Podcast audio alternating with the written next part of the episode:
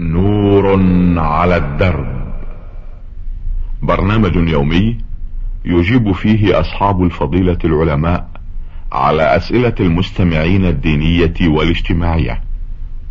البرنامج من تقديم وتنفيذ سليمان محمد الشبانة. بسم الله الرحمن الرحيم. أيها السادة السلام عليكم ورحمة الله وبركاته ومرحبا بكم في هذا اللقاء. الذي نعرض فيه ما وردنا منكم من أسئلة واستفسارات على سماحة الشيخ عبد الله بن محمد بن حميد رئيس مجلس القضاء الأعلى. مرحبا بسماحة الشيخ عبد الله. مرحبا بكم وبالمستمعين سماحة الشيخ عبد الله في حلقة ماضية عرضنا رسالة للمرسل علي الزهراني من المدينة المنورة وكان يسأل عن طواف الحائض ومن انقطع عنها الحيض. وفي هذه بقية رسالته يقول فيها ما حكم من لم يستطع المبيت بمزدلفة لعذر قاهر.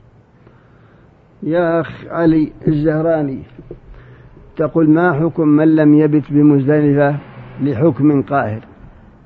يعني إذا حصل له عذر ولم يبت بمزدلفة أو لم يبت بمنى كأن يكون مريضا مرض ونقل إلى المستشفى لا لا حرج عليه. فإنه لا دم عليه فاتقوا الله ما استطعتم. أو خاف على ماله إضاعة ماله خوف يعني صحيحا فلا شيء عليه. وكذلك المرافق لو مرض في ليلة مزدلفة أو ليالي منى ونقل على إثرها للمستشفى قلنا إنه لا دم عليه ولا حرج. قد تقول مرافقه لأن المريض يحتاج إلى مرافق. فهل مرافقه مثله؟ يسقط عنه الدم. نقول لك نعم مرافقه مثله يسقط عنه الدم لأن المريض محتاج إلى مرافق يساعده ويقضي حوائجه بإعطائه شرب الماء أو ما أشبه ذلك. فقد ذكر العلماء أن من حصل له عذر قاهر لا يستطيع معه البقاء في مزدلفة ولا في ليالي منى بمنى كمرض ونحوه فإن فإن الواجب يسقط عنه هو ومرافقه لو كان مريضا وما أشبه ذلك والله أعلم. أه سؤاله الأخير يقول ما حكم من تاب من إحدى الكبائر وعاهد الله على كتابه وأمام بيته الكعبة المشرفة ألا يعود لتلك المعصية؟ ثم خانته نفسه وضحك عليه إبليس اللعين وعاد إلى تلك المعصية ثم تذكر وندم وتأسف فما حكمه؟ وهل عليه كفارة؟ وهل له توبة؟ أفيدونا جزاكم الله عنا وعن المسلمين كل خير. يا أخ علي الزهراني من المدينة المنورة تقول ما حكم من ارتكب كبيرة ثم تاب وندم وعاهد الله ألا يعود ثم عاد إليها؟ نقول لك أباب التوبة مفتوح لكن لا ينبغي أن تتلاعب بهذه الكبائر. تعاهد الله ولا تفي بعهدك. فلا يجوز بكل حال. اولا ارتكاب الجريمة فالإنسان عرض نفسه لغضب الله وسخطه ثم عاهد الله ألا يعود وقد نقض العهد وخان الله في عهد بما عاهد. وارتكبها مرة أخرى فهذا أغلظ. فقد زاد البلاء بلاء والإثم إثما. لكن باب التوبة مفتوح. إذا تاب توبة صادقة وندم على ما فات وعزم على ألا يعود وأقلع عن الذنب فإن الله يتوب عليه. قال الله تعالى قل يا عبادي الذين أسرفوا على أنفسهم لا تقنطوا من رحمة الله إن الله يغفر الذنوب جميعا إنه هو الغفور الرحيم. وأنيبوا إلى ربكم وأسلموا له. وأنيبوا إلى ربكم وأسلموا له. من قبل أن يأتيكم العذاب ثم لا تنصرون. فدلت الآية الكريمة على أن العبد إذا تاب ورجع إلى الله فالله يتوب عليه ويقبل توبته. حتى المشرك إذا تاب فإن الله يقبل توبته. فلا ينبغي أن تعود إلى تلك الجريمة وينبغي أن تفي بما عاهدت وأن تتقي الله سبحانه وتعالى وأنت لا تدري متى يفجأك الأجل. فتندم حينئذ حين لا ينفع الندم والله أعلم. آه هذه رسالة آه سماحة الشيخ وردتنا من المستمع عبد الله محمد الشهراني من بيشه. يقول السلام عليكم ورحمة الله وبركاته. أبعث هذه الأسئلة إلى برنامج على الدرب بواسطة سليمان محمد الشبانة وأرجو أن تعرض هذه الأسئلة على الشيخ عبد الله بن محمد بن حميد عافاه الله وزاده علما. السؤال الأول كثير من الناس يقول الخير من الله والشر من الناس وبعضهم يقول الخير والشر من الله تعالى فما هو الأصح في ذلك؟ يا أخ عبد الله بن محمد الشهراني من بيشه. تقول ما معنى قول الناس إن الخير من الله والشر من الشيطان؟ أو أن الخير والشر كله من الله. نقول لك يا أخ عبد الله الخير من الله لا شك. وما فعلت من شيء فهو من نفسك أنت. أنت الذي فعلت. ربك لا يظلم أحدا. قال تعالى ما أصابك من حسنة فمن الله وما أصابك من سيئة فمن نفسك. فالله جل وعلا هو الذي يتفضل على عباده ويهديهم إلى الخير. وإذا فعلت جريمة أنت الذي فعلتها باختيارك لأن الله أعطاك عقلا وأنار لك الطريق بإرسال الرسل وإنزال الكتب. فأنت الذي فعلت هذه الجريمة رغبة منك واختيارا ومحبة مع علمك أنها لا تجوز. إذا هذا الفعل منك أنت والسيئة منك. والله سبحانه وتعالى يحب لك الخير لكن أنت الذي أحببت لنفسك هذا. كما في هذه الآية ما أصابك من حسنة فمن الله وما أصابك من سيئة فمن نفسك. أي هذه المصائب التي تأتي عليك وتقع في حقك إنما هي بسبب ما ارتكبته وما فعلته من مخالفة. أما ما تفعله من الحسنات فهذا من الله. فإن الله هو الذي أنار لك الطريق بإرسال الرسل وإنزال الكتب. وعرفت أن هذا هو الطريق السوي. ففعلته بمعونة من الله لك. أعانك الله حتى فعلته. أما السيئة فارتكبتها. وأن تعرف أنها لا تجوز وأنك تعرف أنك مجرم لكن الله أبان لك الطريق غير أنه لم يعنك لأنه أعطاك عقلا تميز به بين الأشياء. هذا معنى ما قرره ابن تيمية وغيره كما في الآية المشار إليها ما أصابك من حسنة فمن الله وما أصابك من سيئة فمن نفسك والله أعلم. له سؤال آخر يقول فيه سؤالي الثاني لا حياء في الدين فقد قمت ذات يوم فإذا بي الماء ولم أمس آه ولم أحس بأني آه، احتلمت أثناء نومي. فأردت أن أغتسل فوجدت الماء باردا جدا فأردت أن أسخنه فاستحييت من أهلي وأخواني. لأنني في الخامسة عشر من عمري فتركت صلاة الفجر وذهبت إلى المدرسة وكذلك لم أصلي الظهر.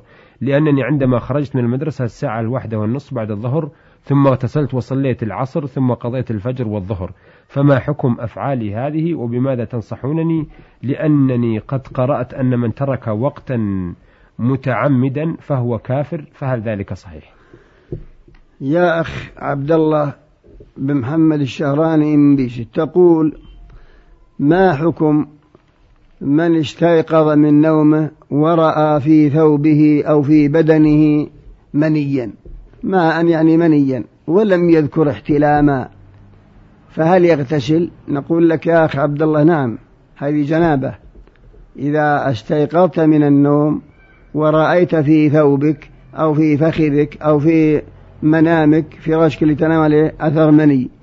وإن لم تذكر احتلاما في النوم فيجب أن تغتسل بكل حال. فهي جنابة. لكن لو قلت مثلا أنا احتلمت أذكر أني احتلمت وأنا نائم كأنك جامعت امرأة وأنت نائم. لكن بعدما استيقظت لم تجد منيا لا في ثوبك ولا في فراشك ولا في بدنك فخذك ولا غير ذلك. فهل تغتسل؟ نقول لك لا. ما في ما ما بال جنابه. حتى لو احتلمت وأنت نائم بأن جامعت امرأة وأنت نائم فبعدما استيقظت لم تجد أثر مني بالكلية فإنه لا غسل عليك. أما إذا وجدت المني بعدما استيقظت فيجب أن تغتسل وإن لم تذكر احتلاما في النوم. هذا حكمه. أما بالنسبة للصلاة فأنت مخطي في عملك هذا كونك أخرت صلاة الفجر وصلاة الظهر إلى بعد الظهر ثم صليت العصر وقضيتهما. فالأولى بل الواجب أنك حينما رأيت المني في ثوبك وجب عليك أن تغتسل وأن تصلي الفجر والظهر في وقتها. ولكن ما دام أن الأمر حصل وقضيتهما فأرجو أنه لا حرج عليك لأنك جاهل ولا تعود إلى مثل هذا. والله سبحانه وتعالى يقبل توبة العبد إذا رجع إلى خالقه وبارئه ولا شيء عليك إن شاء الله إلا أنك تلاحظ ما قلناه لك في المستقبل. والله أعلم. آه هذه رسالة وردت من آه المستمعة المواطنة السعودية المدعوة فاطمة سعيد من أملج. تقول في نهاية الرسالة أرجو عرض هذه الأسئلة على سماحة الشيخ محمد بن حميد والسلام عليكم. آه هذه آه يا أخت فاطمة آه رسالتك نعرضها على سماحة الشيخ عبد الله. تقول أصابني مرض شديد ونذرت نذورا كثيرة. لم أحصيها وقد أوفيت بعضا من هذه النذور الذي أقدر عليه وأستطيع عليه والبعض منها لم أستطع الوفاء به. أرجو الإفادة جزاكم الله خيرا. يا أخت فاطمة بنت سعيد من أملج تقولين إنك أصبت بمرض وأنك على إثر هذا المرض نذرت لله نذورا كثيرة ولكنك لا تحفظينها والبعض منها أوفيتيه وأديتيه والبعض منها لا يزال. لا ندري ما هذه النذور لم تبينيها. هل هي صيام؟ هل هي إطعام؟ صدقة؟ هل هي تقرب إلى الله بذبح إبل؟ أم غنم؟ أم تصدق بمبالغ؟ أم ماذا؟ أم حج؟ ما لم تبيني. لكن نقول لك الذي أديتيه جزاك الله خيرا. وأما الذي لم تؤديه فينبغي أن تؤدي النذر الذي نذرتيه. لأن النبي صلى الله عليه وسلم يقول من نذر أن يطيع الله فليطيعه. فإذا كنت عاجزة عن أداء هذا النذر نذرت لله نذرا ولكن الآن ما تستطيعين الوفاء بالكلية ولا عندك قدرة فكفري كف عن ذلك الذي عجزت عنه كفري كفارة يمين. وكفارة اليمين هي إطعام عشرة مساكين لكل مسكين مدبر أو نصف صاع من أرز أو تمر ونحوه. هذا الذي عليك في وفاء النذر إذا كنت عجزت عن وفاء ما نذرتيه لله فإن فيه كفارة يمين والله أعلم. أيضا تقول أفطرت أربع سنوات متتالية شهر رمضان بالكامل. منها سنتان بالمرض الشديد وسنتان يأتيني النفاس ليلة الواحدة أو الليلة الواحد من رمضان. أفتوني جزاكم الله عني خيرا. تقولين إنك أفطرت أربع سنوات لم تصوميها. أما سنتان فبسبب المرض وأما السنتان الأخريان فبسبب النفاس. لا لا حرج عليك. الحمد لله. لكنه يلزمك القضاء. ما دام أن الله شفاك وعافاك فيلزمك أن تصومي عن أربع سنين عن كل سنة الشهر. عن الذي أنت فيه مريضة وعوفيت لأن مرضك قد رجي برؤه بل قد زال. وكذلك السنتان الأخريان التي نفشتيها فيهما. فهذا يلزمك أن تقضيها. هذا إذا كانت متوالية. فإن كان تأخرت يعني لك عدة سنوات وشوفيت وجاءت جاء رمضان آخر ولم تقضي فيلزمك الإطعام مع مع الصيام. يعني الكفارة مع الصيام هذا إذا أخرت القضاء عن وقته بأن جاء رمضان آخر.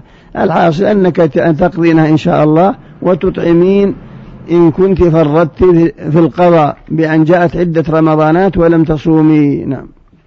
آه هذه رسالة بعثت بها المرسلة أحد الأخوات المستمعات إحدى الأخوات المستمعات لهذا البرنامج دائما أختكم سين عين ألف القاعية. تقول آه المستمعة آه إني سمعت أنه لا يجوز للأب أن يقبل ابنته ولا تقبله مع الوجه ولا يجوز للمرأة أن تقبل ابن أو ابنه مع وجهه بل مع رأسه. نرجو الإفادة. يا أخت شين عين ألف من القاعية تقولين إنك سمعت أن الأب لا يقبل ابنته في فمها وأن الأم لا تقبل ابنها في فمه. الذي سمعتيه يا أخت شين عين ألف من القاعية هذا صحيح. لا ينبغي للرجل أن يقبل أمه مع فمها ولا أن الأم تقبل ولدها مع فمه. ولا أن الأب يقبل بنته ولا أن الأخ يقبل أخته ولا عمته ولا خالته ولا أحدا من محارمه. بل تقبيل الفم هذا للزوج خاصة لأنه يثير الشهوة مهما كانت الحالة. فهذا للزوج.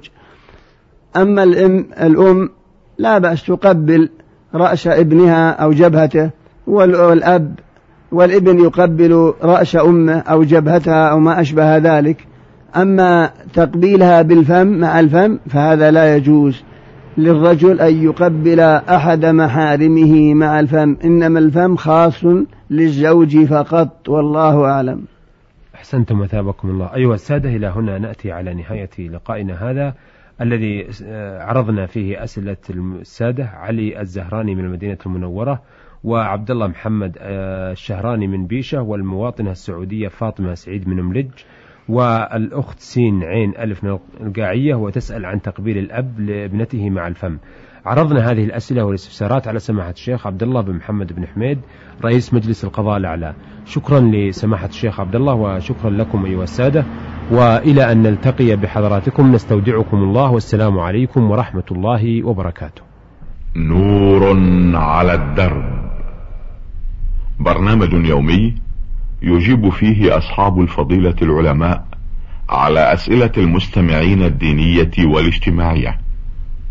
البرنامج من تقديم وتنفيذ سليمان محمد الشبانة.